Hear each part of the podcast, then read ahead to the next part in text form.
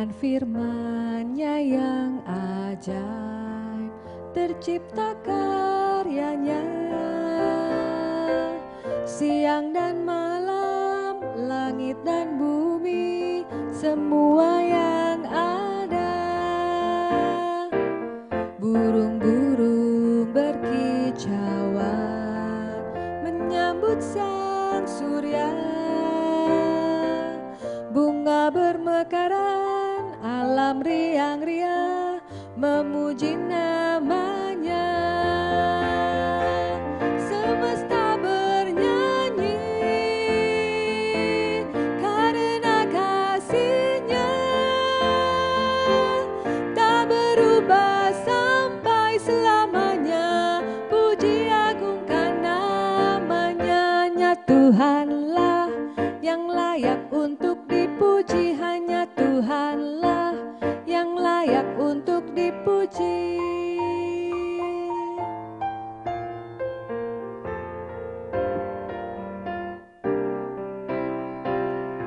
Semesta bernyanyi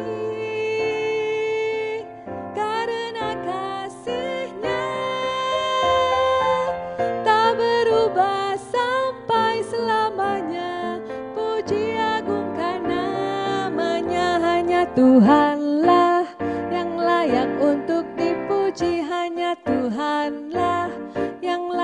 untuk dipuji.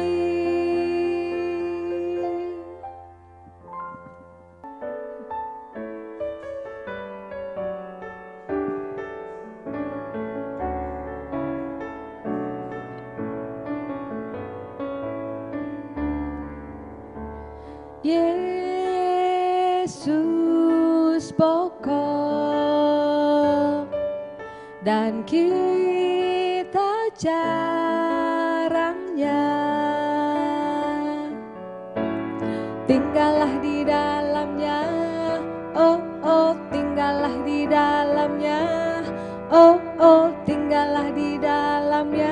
pastikan berbuah.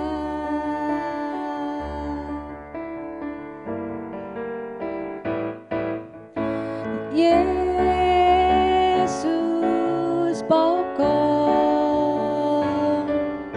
dan kita jarangnya. Tinggallah di dalamnya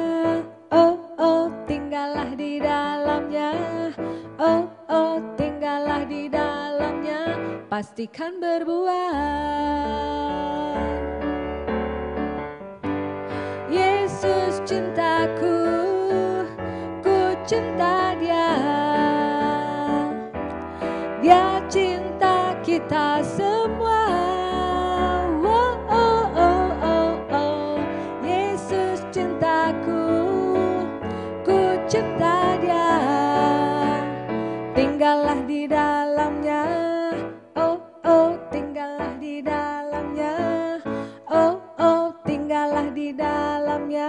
pastikan berbuah.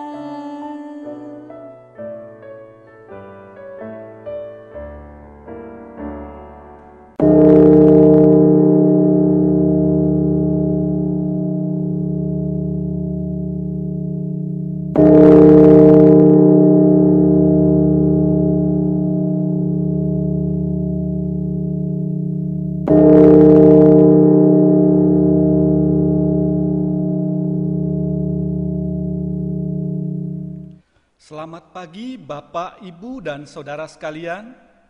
Ibadah online Minggu 8 November 2020 ini akan dilayani oleh Bapak Pendeta Nugroho Yudi Rumpoko dari GKI Bintaro, Jakarta dengan tema Bijaksana dan Antisipatif. Marilah kita mempersiapkan hati kita, Tuhan Yesus memberkati.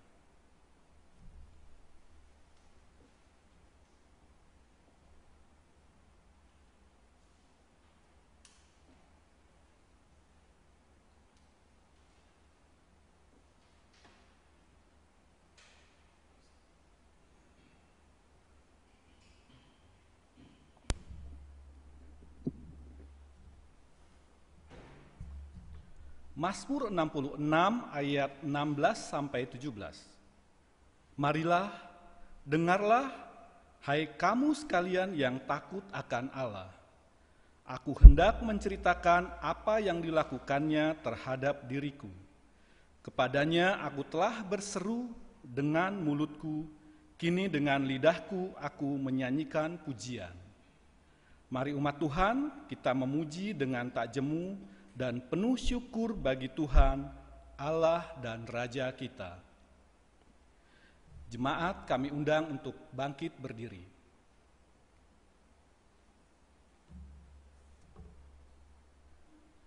Kita bernyanyi dari NKB 5 bait 1 dan 2, seluruh dunia hai nyanyikanlah.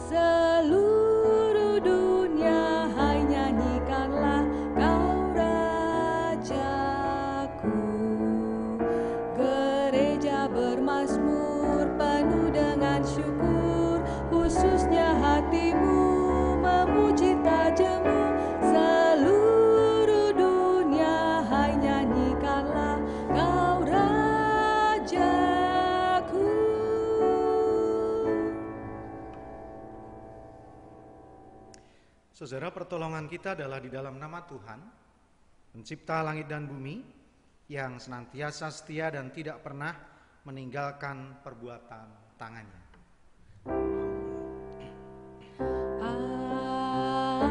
Amin,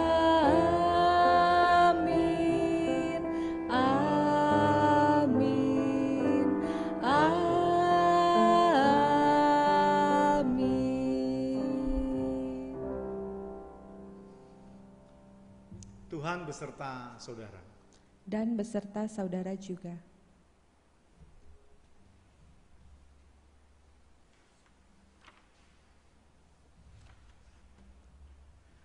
Tidak ada seorang pun yang tahu kapan saatnya hari kedatangan Yesus Sang Mempelai untuk menyatakan kerajaannya di dunia.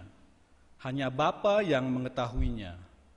Karena itu, Lukas 21 ayat 34, Jagalah dirimu supaya hatimu jangan syarat oleh pesta pora dan kemabukan, serta kepentingan-kepentingan duniawi, dan supaya hari Tuhan jangan dengan tiba-tiba jatuh ke atas dirimu seperti suatu jerat.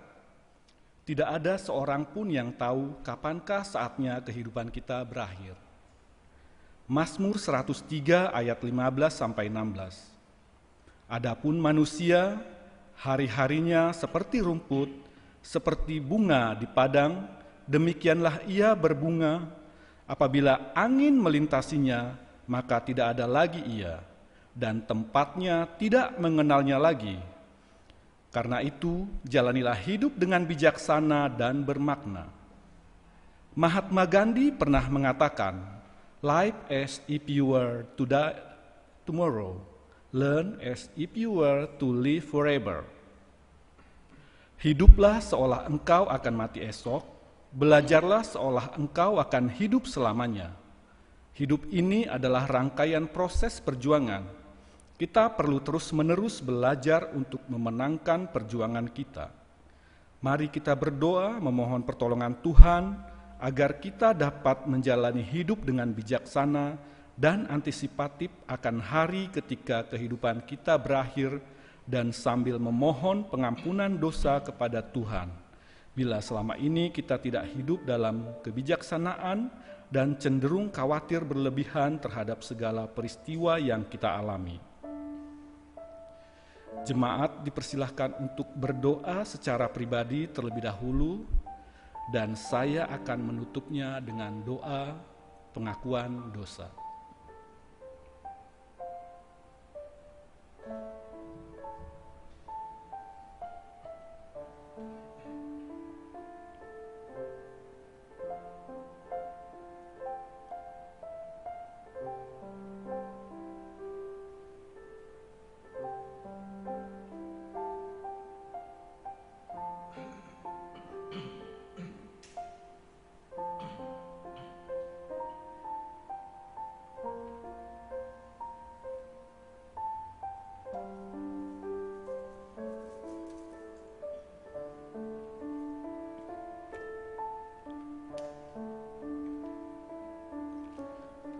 Bapa kami yang Maha Kuasa, saat ini kami datang merendahkan diri di hadapan-Mu. Kami sangat membutuhkan dan merindukan kasih-Mu. Kami sering menyimpang dari jalan yang benar dan mengeraskan diri untuk menentukan jalan kami sendiri. Engkau mengasihi kami orang yang hina dan rendah ini. Kami datang ke hadapan-Mu mengaku segala dosa kami Kasihanilah kami orang berdosa ini ya Bapa. Janganlah hukum kami setimpal dengan dosa dan pelanggaran kami. Namun ingatlah kami dengan kasih setiamu. Dan karena kemurahanmu dalam Kristus yang telah rela menderita dan mati bagi keselamatan kami. Kami berdoa di dalam nama Tuhan Yesus Kristus.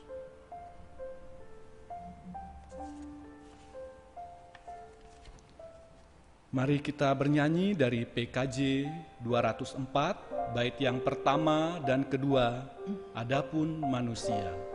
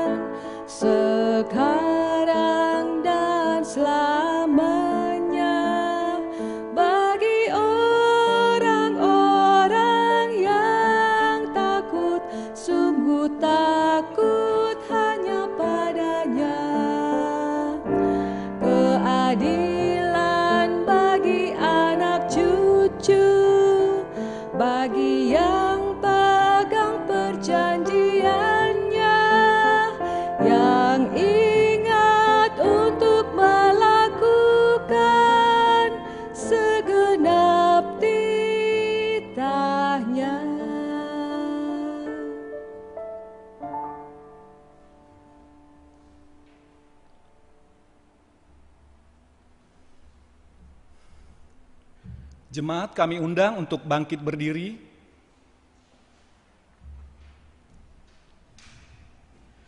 Jika kita mengaku bahwa hidup kita selama ini tidak bijaksana, berbaliklah maka niscaya Tuhan akan mengampuni.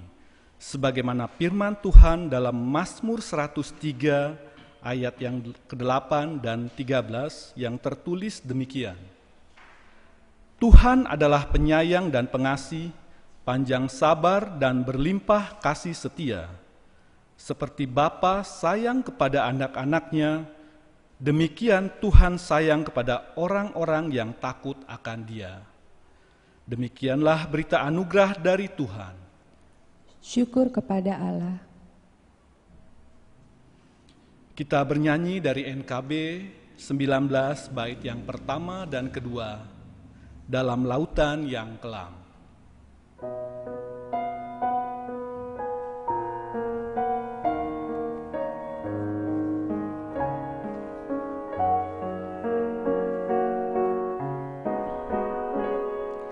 Dalam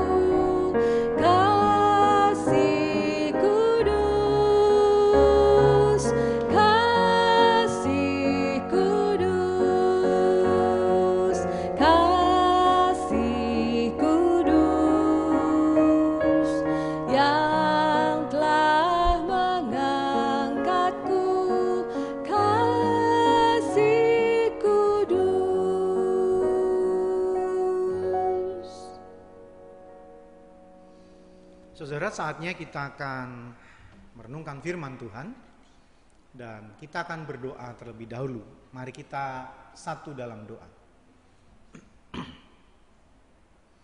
Saatnya kami mencurahkan perhatian kami untuk membaca, merenungkan, dan mendengarkan kebenaran firman. Kiranya apa yang kami dengar engkau sempurnakan.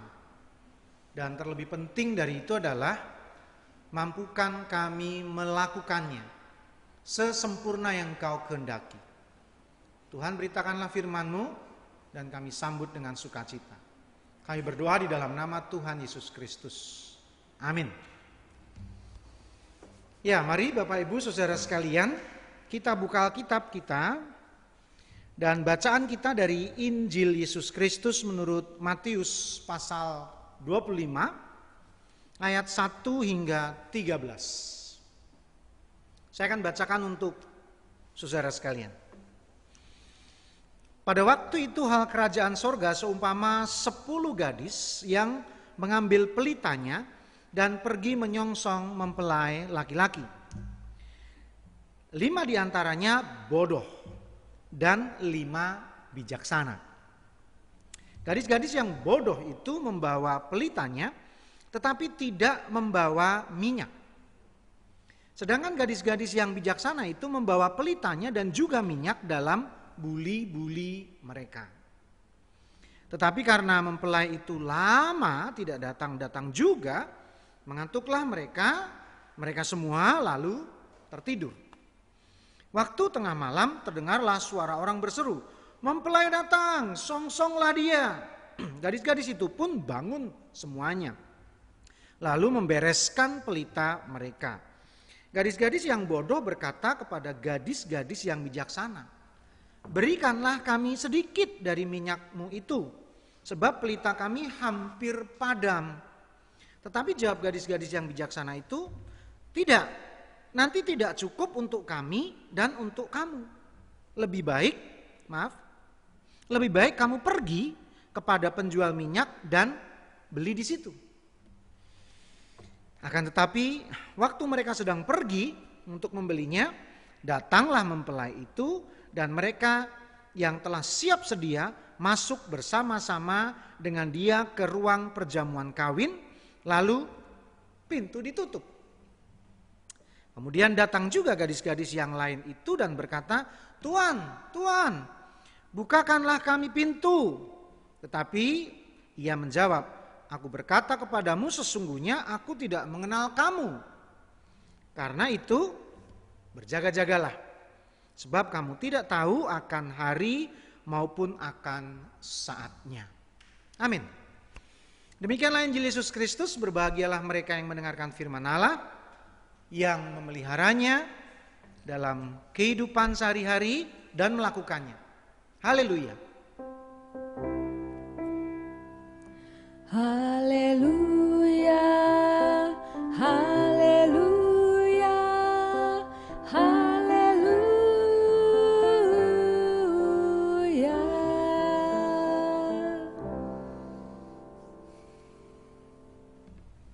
Saudara apa kabar hari ini? Kiranya tetap dalam keadaan sehat. Dan saya ada pesan penting buat saudara, jangan copot maskermu sembarangan. Ya, hati-hati. Saudara bisa tertular nanti atau saudara bisa menularkan ke orang lain. Yang kedua, terimalah salam dari Jemaat GKI Bintaro Jakarta untuk saudara sekalian dan kiranya ada sukacita di antara kita bersama. Baik, tema kita pada hari ini adalah bijaksana dan antisipatif. Bapak Ibu Saudara sekalian, beberapa kali saya nonton acara di televisi terkait penangkapan pelaku kriminalitas. Macam-macam, Saudara.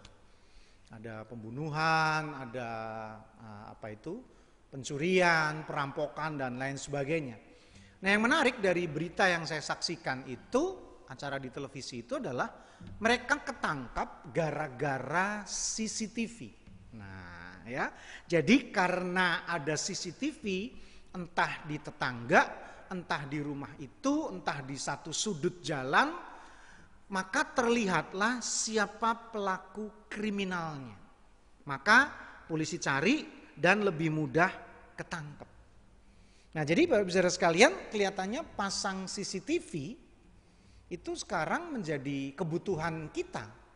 Dan memang kalau saya lihat ya eh, apa penjualan CCTV itu sekarang waduh luar, luar biasa eh, larisnya karena memang terbukti efektif untuk eh, apa ya walaupun nggak bisa mencegah saudara tapi setidaknya kalau sampai terjadi kejahatan itu lebih mudah diselesaikan atau setidaknya kalau uh, kriminal itu tahu bahwa di rumah itu ada beberapa CCTV, dia juga mikir-mikir juga untuk melakukan kejahatan. Jangan-jangan dia kerekam dan seterusnya. Nah, jadi saudara artinya sudah biasalah di kantor, di rumah, di gereja ini orang pasang CCTV untuk mengantisipasi kejahatan maupun untuk eh, menangkap suatu tindakan kriminalitas. Karena kan kita nggak tahu sebetulnya penjahat itu kapan beraksinya, eh, siapa yang jadi sasaran kemudian. Kita nggak tahu kapan penjahat itu datang kan. Kita nggak tahu kapan maling itu beraksi kan. Kita nggak tahu eh, kita mau jadi korbannya atau tidak itu kita nggak tahu dan kita nggak bisa atur si penjahat itu. Yang bisa kita atur ya diri kita kan, saudara. Ya kan, yang kita bisa atur adalah diri kita. Misalkan mobil ya tambah kunci, motor tambah kunci jadi kunci ganda misalkan. Yang bisa kita atur adalah tingginya pagar agar lebih tinggi dipasang apa itu? Kawat berduri atau dipasang e, pecahan kaca. Nah, itu kan yang bisa kita atur itu. Atau misalkan alarm atau seperti yang saya ceritakan tadi Saudara ya, pasang CCTV. Itu yang bisa kita lakukan. Malingnya kan nggak bisa kita atur. Kamu jangan maling rumahku ya, kan nggak bisa Saudara. Suka-suka dia, ada kesempatan ya dia datang dan melakukan. Sekarang saya jadi paham saudara setelah merenungkan tema ini. Kenapa anggaran banyak negara terhadap pertahanan militernya itu besar. Saudara. Amerika adalah negara yang menganggarkan eh, pertahanan militer mereka itu dengan jumlah uang yang sangat fantastis. Saya ada datanya nih saudara. Mereka itu persiapkan, padahal nggak ada perang loh ini ya, nggak ada perang nih. Mereka sudah persiapkan dana itu kalau Amerika itu sampai 750 miliar dolar. Itu berapa ribu triliun saudara ya. Cina itu hingga 237 miliar dolar. Dan Indonesia itu sampai 9,8 miliar dolar atau sekitar 137 triliun itu Indonesia.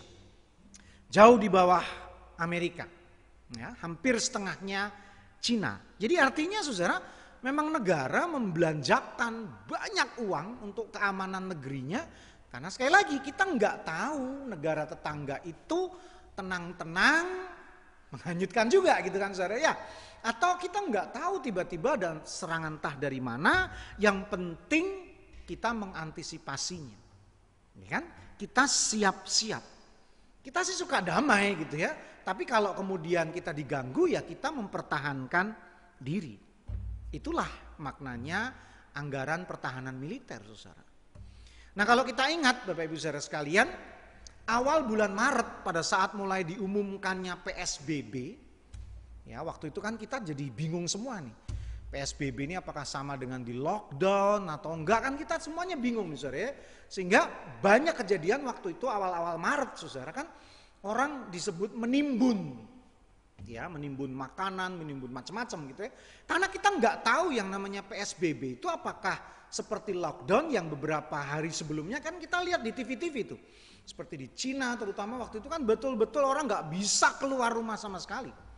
Saya pun waktu itu melakukan antisipasi itu saudara ya. Saya beli beberapa beras lebih banyak, saya bahkan beli tabung gas tambah satu lagi. Ya, saya saya juga beli apa mie instan cukup banyak, garam dan lain sebagainya. Artinya kalau ada apa-apa dan memang dua minggu, entah sebulan waktu itu nggak bisa ke mana-mana, kami sudah siap. Walaupun akhirnya ya aman-aman saja dan kami bagi-bagi. Beberapa kami bagikan kepada tetangga karena memang ya bisa beli juga di tengah-tengah perjalanan. Termasuk kalau saudara suka camping masih ingat parafin nggak saudara? Bahan bakar padat itu. Saya beli banyak waktu itu. Ya jaga-jaga kalau sampai gas habis nggak ada alat untuk e, membakar sesuatu ya saya udah punya parafin itu. Jadi untuk e, siap-siap mengantisipasi segala sesuatu yang kita nggak tahu ya karena eh, eh, nggak menduga ternyata nggak nggak mengerikan lockdown yang eh, sering kali kita dengar. Nah artinya apa Bapak Ibu saudara sekalian? Kita bisa simpulkan bahwa manusia itu secara alami, secara natural itu biasa mengantisipasi masa depan. Umum saja. Ya. Secara alami kita ini memang suka mengantisipasi sesuatu yang belum terjadi. Sesuatu yang akan terjadi. Sesuatu yang ada di masa depan kita itu biasa saja. Nah sehingga kayak menabung gitu ya, eh, investasi, asuransi itu ya hal yang umum saja. Karena semua orang ternyata melakukan hal semacam itu. Nah jadi Bapak Ibu Saudara sekalian tema kita yang berbicara tentang bijaksana dan antisipatif itu sebetulnya adalah hal yang biasa kita lakukan. Nah hanya pertanyaannya adalah sekarang bagaimana kita mengantisipasi sesuatu dengan bijak. Nah itu ya saudara. Atau mengantisipasi apa sih sebaiknya dalam hidup ini. Apakah hanya itu saja, apakah hanya ini saja atau macam-macam atau beberapa hal atau berbeda-beda. Ada satu contoh saudara. Beberapa hari ini eh, ada tayangan dari Tung Dezem Waringin. Saudara kenal tokoh itu? Ya dia diwawancara tentang kehidupannya. Nah dia bercerita tentang kekayaannya di masa tuanya ini. Dia udah 60 lebih saudara. Dan dia sekarang kaya raya dan nggak berkekurangan. Nah dia bercerita Kenapa dia sekarang menjadi orang tua yang happy, orang tua yang banyak tabungan, orang tua yang kaya raya, yang bisa menikmati hidupnya di masa-masa dia mulai lemah, mulai nggak seproduktif beberapa puluh tahun yang lalu. Ya, seperti yang dia katakan bahwa uh, dia investasi dari sejak muda, dia hemat sejak muda, dia nabung dari sejak muda. Kata-kata yang saya ingat betul dia mengatakan begini, saya nggak mau nampak kaya saat muda. Menurut saya sangat jelas sekali pesannya itu saudara ya. Saya nggak mau nampak kaya pada saat muda. Jadi artinya sebetulnya dia punya kekayaan. Tapi kekayaannya itu dia tabung, kekayaannya itu dia investasikan, dia putar semikian rupa demi masa depannya. Nah tapi ada satu kata, satu kalimat dari Tung Desem Waringin yang menurut saya perlu kita perhatikan betul. Selain dia investasi, nabung hartanya, dia mengatakan begini, saudara. Salah satu investasi yang penting itu adalah investasi leher ke atas. Dia katakan gitu. Apa sih maksudnya gitu? Dia mau mengatakan bahwa sejak muda dia tuh investasi ilmu, saudara. Maksudnya leher ke atas itu adalah menunjuk kepalanya, menunjuk pikirannya, saudara. Jadi investasi pengetahuan, investasi ilmu, investasi kecerdasan, kepandaian itu sangat dia prioritaskan.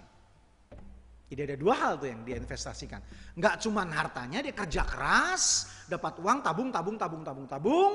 Tapi dia juga upgrade dirinya, dia bikin pandai dirinya, dia bikin hebat dirinya untuk di masa tuanya. Dan sekarang dia betul-betul menikmati jayanya. Di saat sudah mulai enggak bisa produktif, tapi kekayaannya sedemikian rupa, dan dia adalah orang yang cukup smart, cukup pandai untuk menjadi narasumber. Kan itu pekerjaan yang nggak pernah ada habisnya kan saudara ya. Berpikir, menjadi konsultan, menjadi e, narasumber, itu kan sebuah pekerjaan yang nggak ada habisnya kecuali kematian.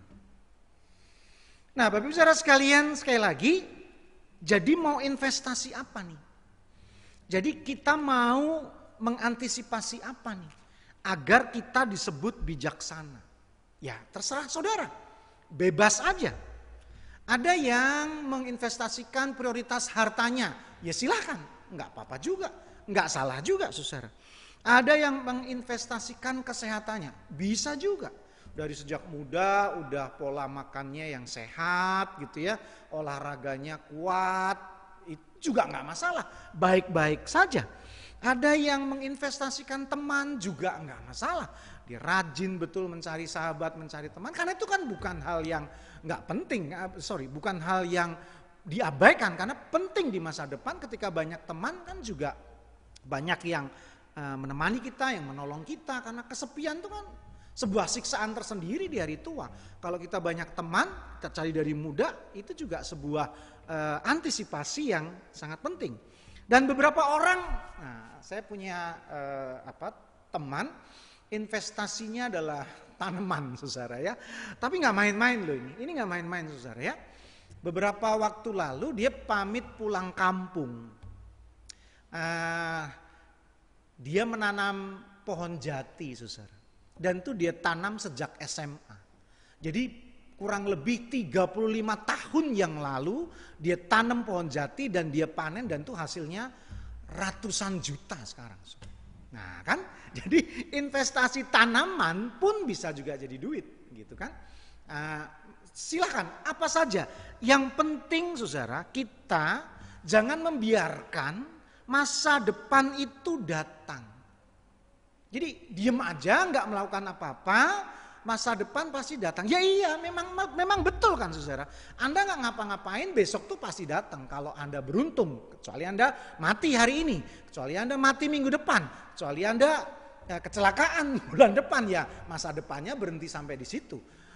Kita nggak bisa melakukan itu, saudara. Tapi kita harus sambut masa depan itu. Kita harus nantikan masa depan itu.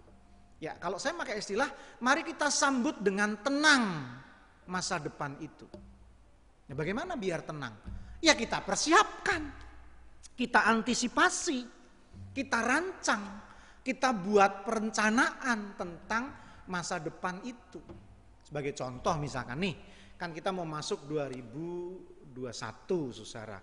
Lalu seperti apa nih gereja ke depan? Apakah ibadahnya mau terus online semacam ini? Nah kalau mulai onsite apa yang harus kita lakukan? E, penjajakannya bagaimana? Mulai dari mana dan seterusnya? Saudara mesti mikirkan itu.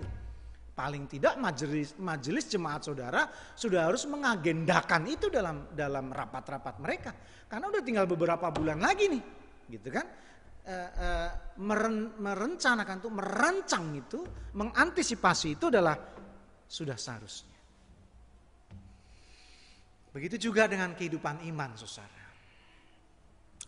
Kedatangan Tuhan juga harus kita antisipasi. Artinya kedatangan dia secara masif, secara umum yang kita kenal dengan new coming, eh, apa? Kedatangannya yang kedua kali atau yang disebut kiamat atau akhir zaman ya kita harus persiapkan. Atau yang sering kita kenal dengan kiamat kecil. Apa itu saudara? Hari matimu. Memento mori orang bilang kan. Eh, ingat hari matimu. Nah, kan kita harus pikirkan itu saudara. Lah, lah kenapa sih itu harus dipersiapkan? Ingat saudara, kita menghayati kematian adalah cara kita berjumpa dengan Tuhan. Di situ poinnya. Oke? Kematian adalah cara kita berjumpa dengan Tuhan. Entah kiamat, entah uh, apa uh, kematian, intinya pas pada saat itu terjadi kita akan ketemu. Nah, saudara pernah nggak ngebayangin? Pada saat pertama ketemu Tuhan, saudara mau ngapain? Pada saat ini loh, bah gitu ya. Pada saat saudara ketemu berhadapan muka dengan muka, bah gitu, saudara mau ngapain kira-kira? Atau halo, atau apa saudara?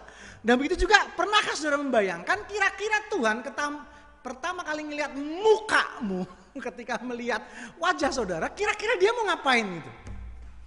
Apa senyum, apa kemudian cilubak gitu. Kira-kira saudara nge pernah ngebayangin nggak kayak begitu? Karena gini loh saudara, pertemuan kita secara langsung muka dengan muka dengan Tuhan itu bisa pertemuan pertama dan terakhir. Kok bisa? Lah kalau sudah habis itu masuk neraka nggak bakal ketemu lagi. Betul nggak? Nah kita kan berharap bertemu pertama dan ketemu terus. Karena saudara masuk surga. Nah kan su, uh, sukanya begitu kan saudara ya. Itu yang kita harapkan kan gitu ya. Pertama ketemu, bah gitu terus bersama-sama terus. Lah coba bayangkan kalau ketemu kemudian get out. Nah, kan nggak enak banget ya. Tuhan kemudian usir kita seret-seret masuk neraka kan jadi nggak enak. Baru ketemu pertama belum sempat ngobrol, belum sempat nanya gitu kan. Sudah masuk neraka lah. Kita kan nggak pingin seperti itu. Jadi mari kita persiapkan. Sudah nggak bisa diam-diam menunggu matimu, menunggu uh, kiamat, nggak bisa. Kita mesti mempersiapkan itu. Bapak saudara sekalian itu adalah hal pertama yang penting kita renungkan dari bacaan kita melalui Matius pasal 25 ayat 1 sampai 13 ini. Nah apa yang hal lain yang penting untuk kita renungkan saudara? Saya ajak kita memperhatikan ayat 8 dan 9. Saya akan bacakan ulang, saudara. Gadis-gadis yang bodoh berkata kepada gadis-gadis yang bijaksana, Berikanlah kami sedikit dari minyakmu itu, sebab pelita kami hampir padam. Tetapi jawab gadis-gadis yang bijaksana itu, tidak. Nanti tidak cukup untuk kami dan untuk kamu. Lebih baik kamu pergi kepada penjual minyak dan beli di situ. Kok pelit ya saudara ya? saudara, enggak enggak, ini, ini bukan pelit, ini bukan pelit. Eh, ini ada penjelasan yang penting untuk kita renungkan Bapak Ibu saudara sekalian. Eh, Bapak Ibu pernah nonton film Tilik? Ya, Tilik gitu ya saudara ya. Itu enggak enak banget kalau saya orang Jawa bacanya pasti lebih enak. Tilik. Nah, itu bacanya yang tepat begitu saudara ya. Tilik itu adalah mengunjungi, ya berkunjung itu cerita itu sebetulnya jengkelin loh Bapak Ibu, ya kan? Itu kan ceritanya tentang si ibu cerewet itu kan, Bu Tejo itu yang akhirnya viral itu kan. Nah dia kan suka mempergunjingkan satu, satu uh, siapa cewek itulah ya, saya lupa namanya itu ya. Uh, tapi yang menarik dari film itu jarang tuh. Film yang endingnya menjengkelkan tuh jarang. Sarah. Rupanya yang digosipkan itu kan bener kan bahwa si cewek itu kan memang selingkuh sama Pak Lurah. jadi jarang tuh gosip jadi bener itu jarang ya. Jadi filmnya unik gitu. Tapi bukan bukan itu. Saudara kalau mau nonton silahkan ke YouTube, nggak nggak begitu panjang ya, hanya kira-kira 30-an menit film pendek itu saudara. Tapi celotehan Butejonya itu yang menarik. Dia dia mengatakan begini, jadi orang itu mbok yang solutif. Nah, itu kata solutif itu loh, menarik tuh saudara ya. Saya ingin berbicara tentang bijaksana dan menjadi orang yang solutif. Saudara karena orang yang bijaksana itu pasti menjadi solusi. Karena wisdom itu selalu kelihatan, bisa dirasakan oleh orang lain. Karena kebijaksanaan itu saudara bukan pengakuan, Enggak ada tuh orang, oh, aku ini orangnya bijak loh. Apaan gitu ya saudara, enggak ada. Kebijaksanaan itu diakui, bukan pengakuan saudara. Artinya orang disebut bijaksana karena orang lain kemudian mengakui bahwa Anda adalah orang yang bijaksana. Nah begitu juga dengan lima orang bijaksana ini, sorry, lima gadis bijaksana ini karena memang mereka bijaksana. Saudara. Mereka bukan pelit. Walaupun dia menolak untuk berbagi itu enggak pelit saudara. Karena dia juga menjadi solusi, dia memberi solusi. Dan alasannya masuk akal. Nggak jelas kapan mempelai pria itu datang, ya kan? E, walaupun sudah di, di, di woro-woro, halo si mempelai datang gitu kan. Acaranya mau masih berapa lama kan dia nggak tahu, mereka nggak tahu. Mereka cuman menjadi uh, apa lighting woman aja gitu ya, menjadi pembawa penerang saja. Nah, sehingga kalau uh, cadangan minyak ini dibagi untuk 10 orang memang ya resikonya nggak cukup. Kalau pas tengah pesta lampu mati kan kacau saudara kan. Banyak orang jadi marah-marah gitu. Nah tepat kalau dia mengatakan enggak. Lebih baik kamu beli.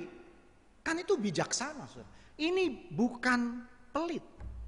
Nah Bapak Ibu Saudara sekalian ketika kita berbicara tentang bijaksana dan antisipatif adalah sebuah sikap yang perlu kita tunjukkan kepada setiap orang pada saat sebuah persoalan itu datang mendera. Ketika persoalan itu pelik, pada saat persoalan itu orang Jawa bilang bundet gitu saudara ya, crowded gitu kira-kira. Nah kita datang dengan membawa solusi, itu bijaksana. Jangan sebaliknya, setiap omongan kita malah nambah ruwet. Setiap omongan kita malah nambah puyeng. Udahlah lebih baik diem lah kalau nggak bisa seperti itu. Walaupun orang-orang seperti itu ada di tengah-tengah kita. Itu kan disebut tong kosong nyaring bunyinya itu kan saudara ya. Hanya bisa ngomong doang gitu. Tapi sebetulnya nggak bisa jadi solusi. Nah saudara yang mau disebut bijaksana dan orang yang mampu mengantisipasi sebuah persoalan Suara saudara, perkataan saudara, ucapan saudara adalah solusi dan jalan keluar dari sebuah perkara. Dan itu harus bisa dirasakan oleh orang lain. Sehingga saudara nggak perlu cari pengakuan. Karena saudara akan diakui sebagai orang yang bijaksana. Yang ketiga yang terakhir Ibu Saudara sekalian, hal penting dari bacaan kita ada dalam ayat 11 dan 12. Mari kita memperhatikannya lagi. Saya akan bacakan untuk kita sekalian. Kemudian datang juga gadis-gadis yang lain itu dan berkata, Tuan, Tuan, bukakanlah pintu, maaf, Tuan, Tuan, bukakanlah kami pintu. Nah gitu ya. Tetapi ia menjawab, aku berkata kepadamu sungguhnya aku tidak mengenal kamu. Bapak Ibu saudara sekalian, tadi pelit ya nggak mau berbagi minyak. Ini kok ya pelit juga ya. Bukain pintu aja kok nggak mau ya saudara ya. Padahal kan kalau kita ingat Matius 7 pasal 7 kan Tuhan bilang carilah ya kan? Ketoklah. Maka apa saudara? Pintu akan dibukakan kan? Tuhan baik banget gitu. Kok ini tiba-tiba dia ngajarin sesuatu yang aneh ya. Orang udah ketok-ketok gitu kan, kan udah seharian nunggu ya, habis itu capek nyari minyak dan seterusnya. Gilirannya acara mau dimulai aja tuh apa pintu ditutup dan nggak ada ampun. Apa nih sebetulnya saudara? Ya, ini bukan pelit kuadrat, bukan saudara ya. Ini bukan mau jahat, ini bukan mau kok nggak nggak seperti Tuhan Yesus yang di Matius 7 eh, ayat 7 sih gitu kok tiba-tiba berbeda. Ya, karena memang Tuhan Yesus ingin mengajarkan tentang sesuatu yang penting bahwa orang mesti mempersiapkan diri untuk sesuatu. Bahkan ketika berbicara tentang keselamatan, Tuhan Yesus nggak mau main-main untuk itu. Nah sehingga ilustrasi ini penting untuk kita renungkan. Saudara, apa yang terjadi sehingga pintu ditutup? Nggak bisa dibuka lagi, saudara. Nah ini sebetulnya terkait dengan tradisi perkawinan orang Yahudi itu sendiri. Jadi yang pertama kalau kita lihat kita mendapatkan informasi sebetulnya ada tradisi perkawinan orang Yahudi yang yang unik, saudara. Yang pertama, kenapa mempelai pria itu datangnya lama, unpredictable, e, tengah malam baru datang. Jadi sebetulnya perkawinan orang Yahudi itu puncaknya adalah e, e, apa mungkin saya salah ngomong. Artinya sebelum mempelai pria itu datang, uh, utusan mempelai wanita itu kumpul di rumah mempelai pria untuk ngomongin mas kawin. Nah, jadi malam itu kelihatannya uh, mas kawinnya nilainya belum deal, kira-kira gitu, Saudara. Nah, sehingga utusan mempelai wanita itu lama di rumah mempelai eh, laki-laki. Kalau saya bayangkan mereka katakanlah mulai berembuk ya setelah makan malam katakanlah jam 7 malam misalkan. Nah itu sengit tuh kelihatannya nih, mas kawinnya nggak deal nggak selesai-selesai. Ya itulah yang terjadi. Ya, jadi setelah mas kawin deal, pihak mempelai pria baru datang ke keluarga mempelai perempuan. Nah itu sehingga jadi nggak jelas kapan datangnya. Karena mesti ngomongin dulu, mesti deal dulu gitu ya. Oke sepakat, eh, sekian kambing, sekian onta, sekian uh, dirham dan seterusnya. Kira-kira gitu. Itu yang pertama. Yang kedua saudara, kenapa pintu harus ditutup? Karena setelah mempelai pria datang, lalu upacara perkawinan dimulai, 80% upacara perkawinan orang Yahudi itu ibadah, saudara.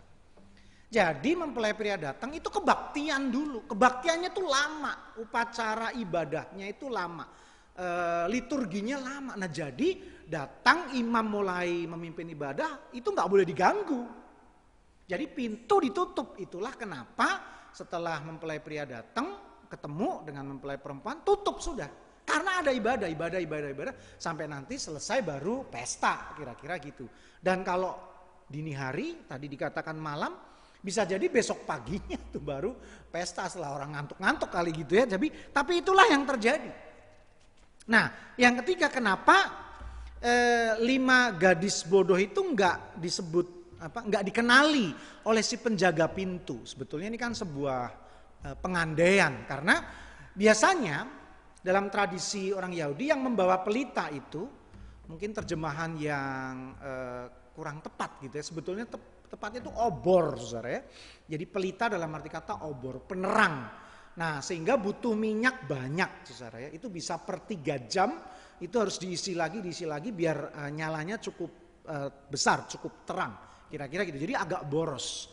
Nah, itu biasanya adalah teman-teman si mempelai perempuan. Nah, jadi kelihatannya 10 eh, gadis itu adalah gadis-gadis remaja, gadis-gadis muda, teman-temannya si eh, mempelai perempuan.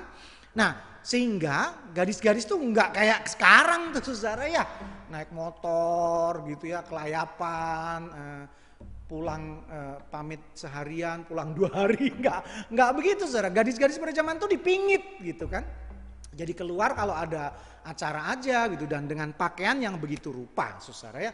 Pakaian Yahudi itu kan juga pakai kerudung dan tertutup begitu rupa, apalagi kalau masih nona. Nah itulah makanya si penjaga pintu nggak mau sembarangan bukain pintu.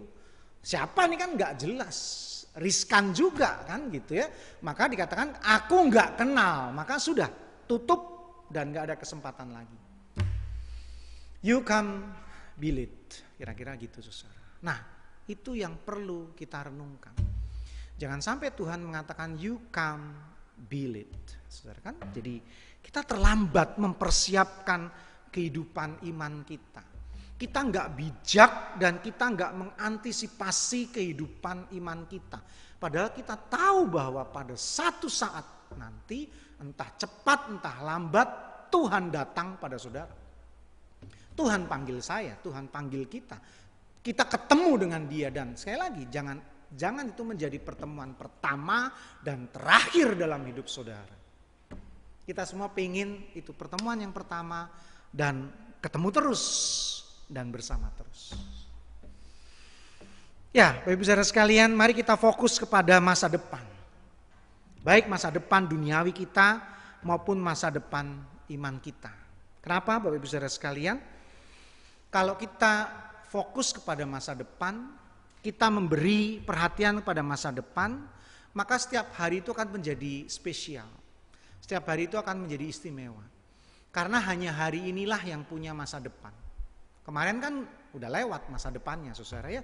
Hanya hari inilah yang punya masa depan.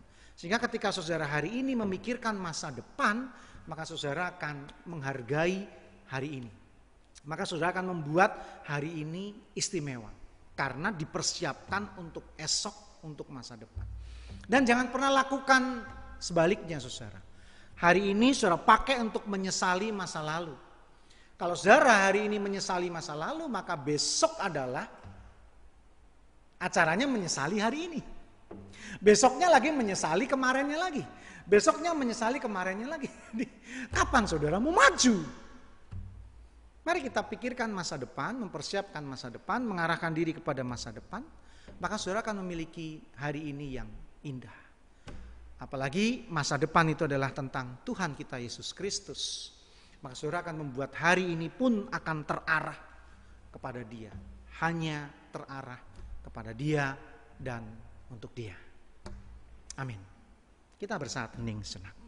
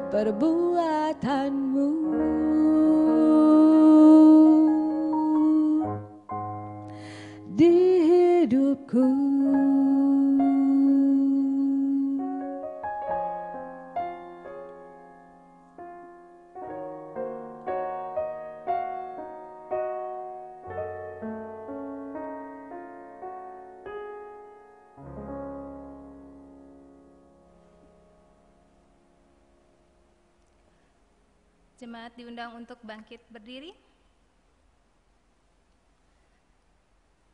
Marilah kita bersama dengan umat Allah di masa lalu, masa kini, dan masa depan, mengingat pengakuan pada baptisan kita menurut pengakuan iman rasuli demikian. Aku percaya kepada Allah, Bapa yang Maha Kuasa, Halik langit dan bumi, dan kepada Yesus Kristus, anaknya yang tunggal Tuhan kita, yang dikandung dari roh kudus, lahir dari anak darah Maria, yang menderita sengsara di bawah pemerintahan Pontius Pilatus, disalibkan, mati dan dikuburkan, turun ke dalam kerajaan maut.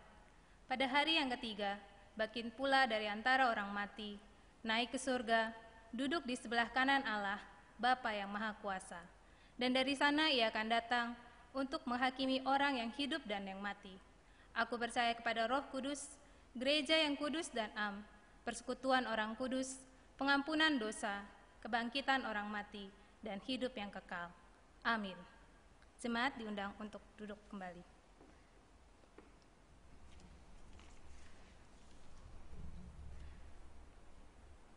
Mari kita satu dalam doa. Bapa yang baik, Bapa yang kami kenal di dalam Yesus Kristus, kami bersyukur di pagi hari ini kami masih boleh beribadah walau dalam bentuk online.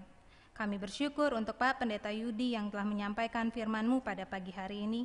Mampukanlah kami untuk menjadi pelaku-pelaku firman dan bukan hanya menjadi pendengar saja. Tuhan juga yang senantiasa memberkati pelayanan Pak Pendeta agar senantiasa dapat menjadi berkat di mana pun Tuhan boleh tempatkan. Pada saat ini Bapak kami juga rindu menyampaikan syukur dan syafaat kami. Kami mau bersyukur bagi sekretariat kami yang menjadi pusat pelayanan dan kegiatan kami. Berkatilah agar melalui tempat ini kami dapat senantiasa menyampaikan pelayanan damai sejahtera bagi jemaat dan lingkungan sekitar tempat ini.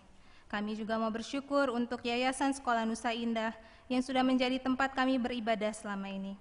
Berkati agar di masa pandemi ini pun sekolah tetap menghasilkan anak-anak bangsa yang pintar dan berguna bagi bangsa dan negara Indonesia. Berkati senantiasa para guru, kepala sekolah, dan pengurus yayasan agar dapat mengembang tugas mereka dengan baik. Kami pun bersyukur untuk setiap lahan yang kami miliki dan upayakan agar rumah Tuhan dapat dibangun di atasnya, yaitu Dusun Tiga dan juga Nusa Loka. Mampukanlah kami agar mengelolanya hanya untuk hormat dan kemuliaan Tuhan saja. Berkati juga panitia pembangunan baik dari GKI Sarwa Indah maupun GKI Serpong, agar dalam mengupayakan izin pemakaian lahan, kami dapat boleh segera mendapatkannya dan segera ditandatangani oleh Pemda Tangsel ya Bapak. Tuhan kami rindu agar pembangunan GKI Nusa Loka juga dapat terwujud seturut dengan kehendak Tuhan. Inilah syukur dan syafaat kami Bapa, jadi dan nyatakanlah seturut dengan kehendakmu. Di dalam nama Tuhan Yesus kami berdoa. Selanjutnya kami hendak berdoa untuk jemaat kami, umat kami, keluarga dan kerabat kami yang saat ini dalam keadaan sakit dan di antaranya dalam proses pemulihan. Kami mendukung doa untuk Ibu Gustina Pasaribu Boru Marpaung yang dirawat di Rumah Sakit Harapan Kita. Dan saudara kami yang dalam proses pemulihan, kami mendoakan Ibu Mami Palon, Ibu Sarah Jaya Sumadi, Ibu Hana Panjaitan, Ibu Yulia Kristianti, Ibu Virginia Samantas Sapang, Bapak Christian Hutagalung, Ibu Nike Elizabeth Boyke, Ibu Maria Magdalena, Bapak Wahyu Hidayat, ayah dari saudara Christian Dewantara, Ibu Yohana Triyani, ibu dari saudara Christian Dewantara, Bapak Elisa Hia, Pendeta Thomas Kartomo, Bapak Rudi Pasaribu dan saudara kami lainnya. Semuanya membutuhkan uluran tangan kasihmu berkati tim medis sehingga bekerja dengan baik dan membawa pemulihan kesehatan bagi saudara-saudara kami tersebut.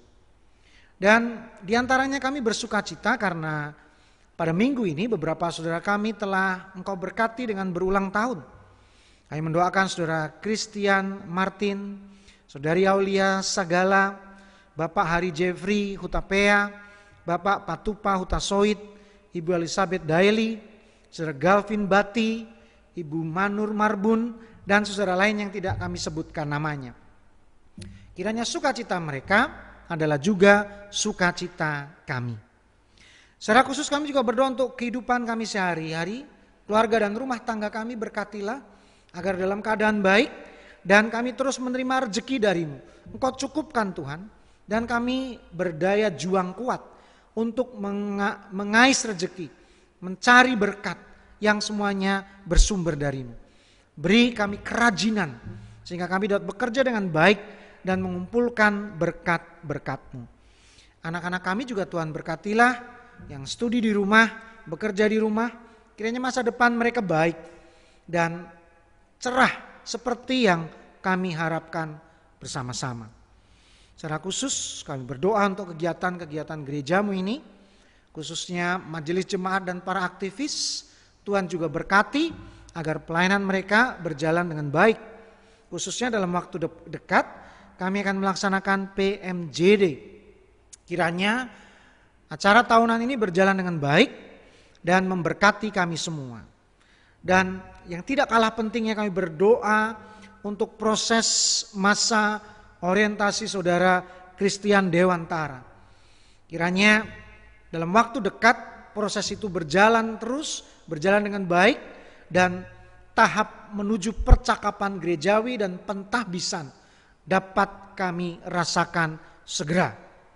Dan secara khusus kami berdoa untuk proses pencarian pendeta konsulen yang akan mendampingi majelis jemaat dalam melaksanakan roda pelayanan di gerejamu ini. Teristimewa doa kami untuk bangsa dan negara kami. Tuhan berkatilah para pemimpin kami, setiap pergumulan dan persoalan yang kami hadapi sebagai bangsa dan kami percaya Engkau menolong kami. Engkau memberkati para pemimpin kami sehingga mereka menjadi abdi rakyat dan terutama menjadi orang yang takut akan Tuhan.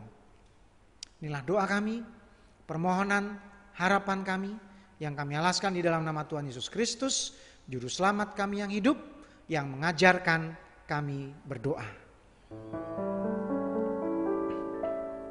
Bapa kami yang ada di sorga Dikuduskanlah namamu. Datanglah kerajaanmu Jadilah kehendakmu Di bumi seperti di sorga kami hari ini makanan yang secukupnya.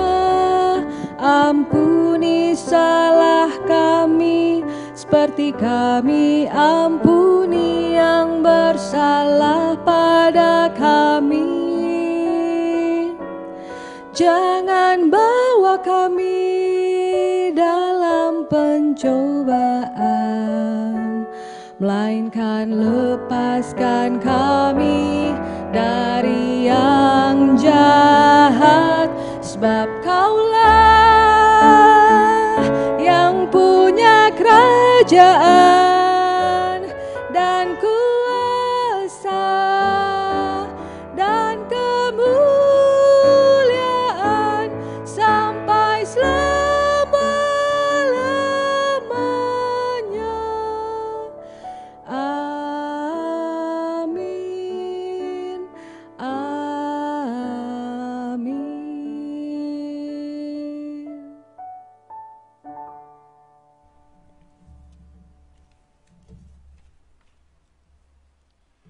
Liturgi persembahan. Saudara-saudara, mari kita sampaikan persembahan syukur kita seraya mengingat firman-Nya dalam 1 Tawarikh 29 ayat 9a yang berbunyi demikian. Bangsa itu bersuka cita karena kerelaan mereka masing-masing, sebab dengan tulus hati mereka memberikan persembahan sukarela kepada Tuhan. Sementara kita mengumpulkan persembahan, mari kita memuji Tuhan melalui PKJ 146, bait 1 dan 2. Bawa persembahanmu.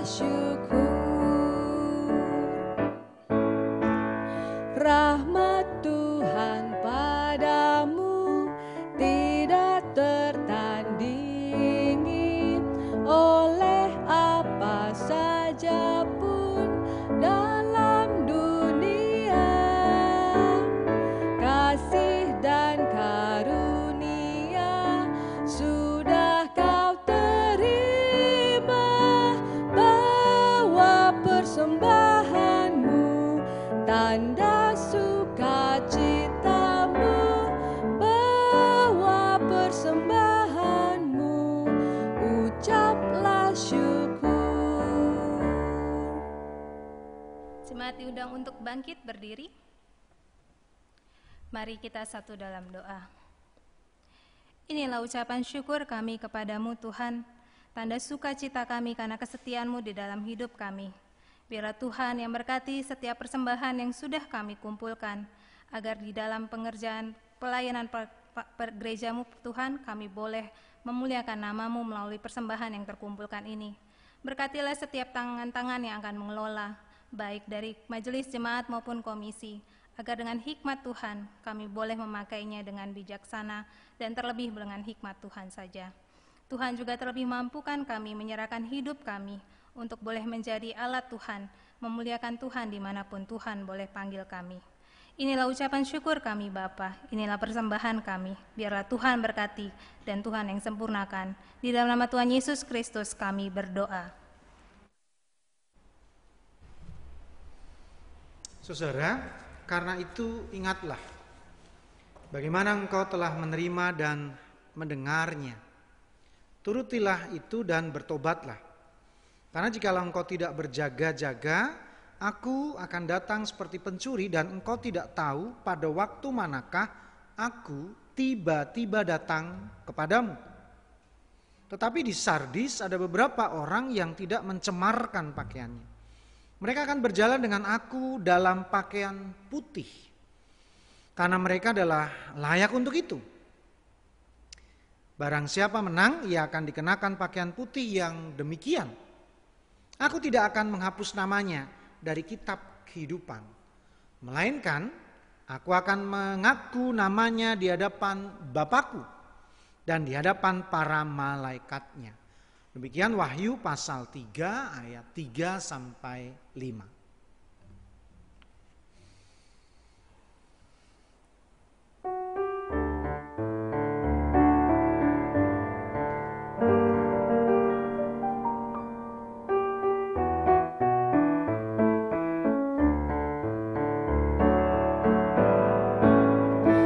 Bila sangka kala menggegap dan zaman berhenti Fajar baru yang abadi mereka.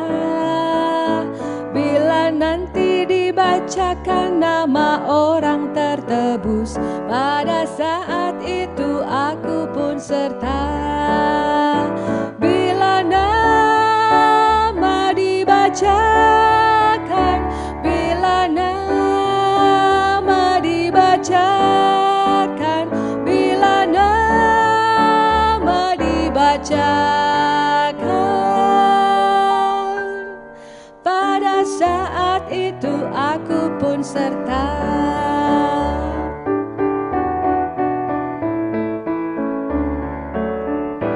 Dari pagi hingga malam mari kita bekerja Mewartakan kasih Tuhan yang mesra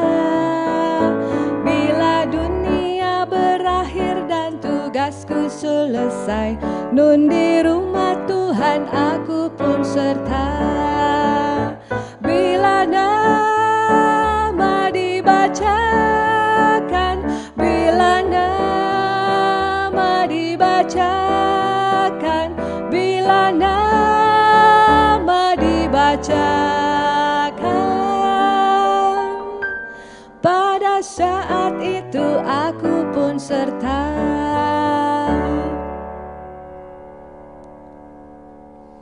Saudara, kini arahkanlah hatimu kepada Tuhan. Kami mengarahkan hati kami kepada Tuhan. Jadilah saksi Kristus. Syukur kepada Allah, Terpujilah Tuhan kini dan selamanya. dan saudara, terimalah berkatnya. Tuhan memberkatimu dan melindungimu. Tuhan menyinarimu dengan wajahnya dan memberimu kasih karunia. Tuhan menghadapkan wajahnya kepadamu dan memberimu damai sejahtera. Haleluya. Amin.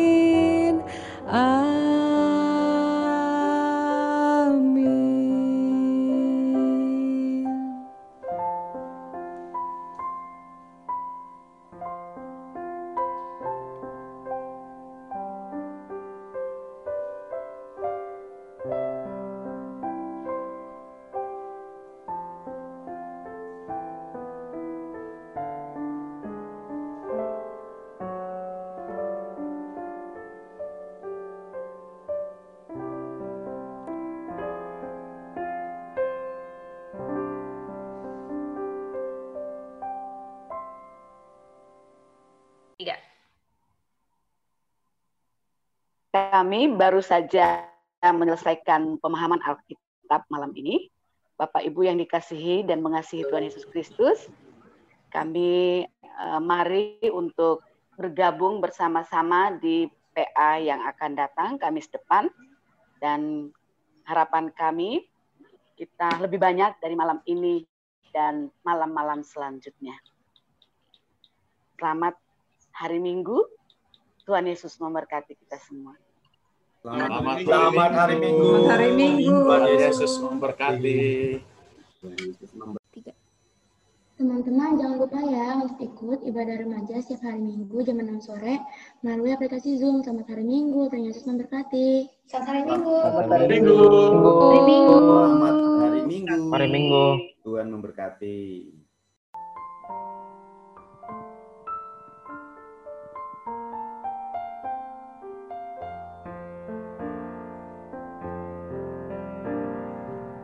Dengan firman-Nya yang ajaib tercipta karyanya. Siang dan malam, langit dan bumi, semua yang ada. Burung-burung berkicauan menyambut sang surya bermekaran, alam riang-riang memuji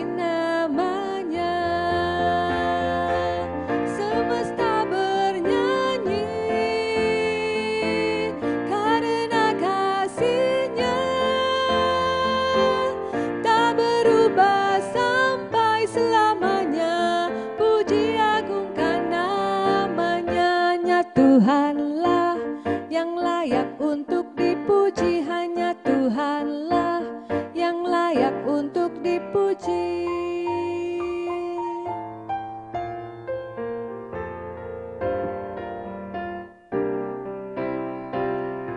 Semesta bernyanyi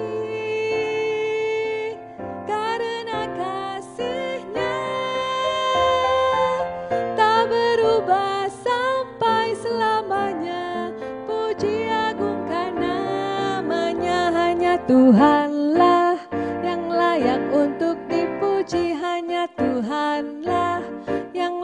untuk.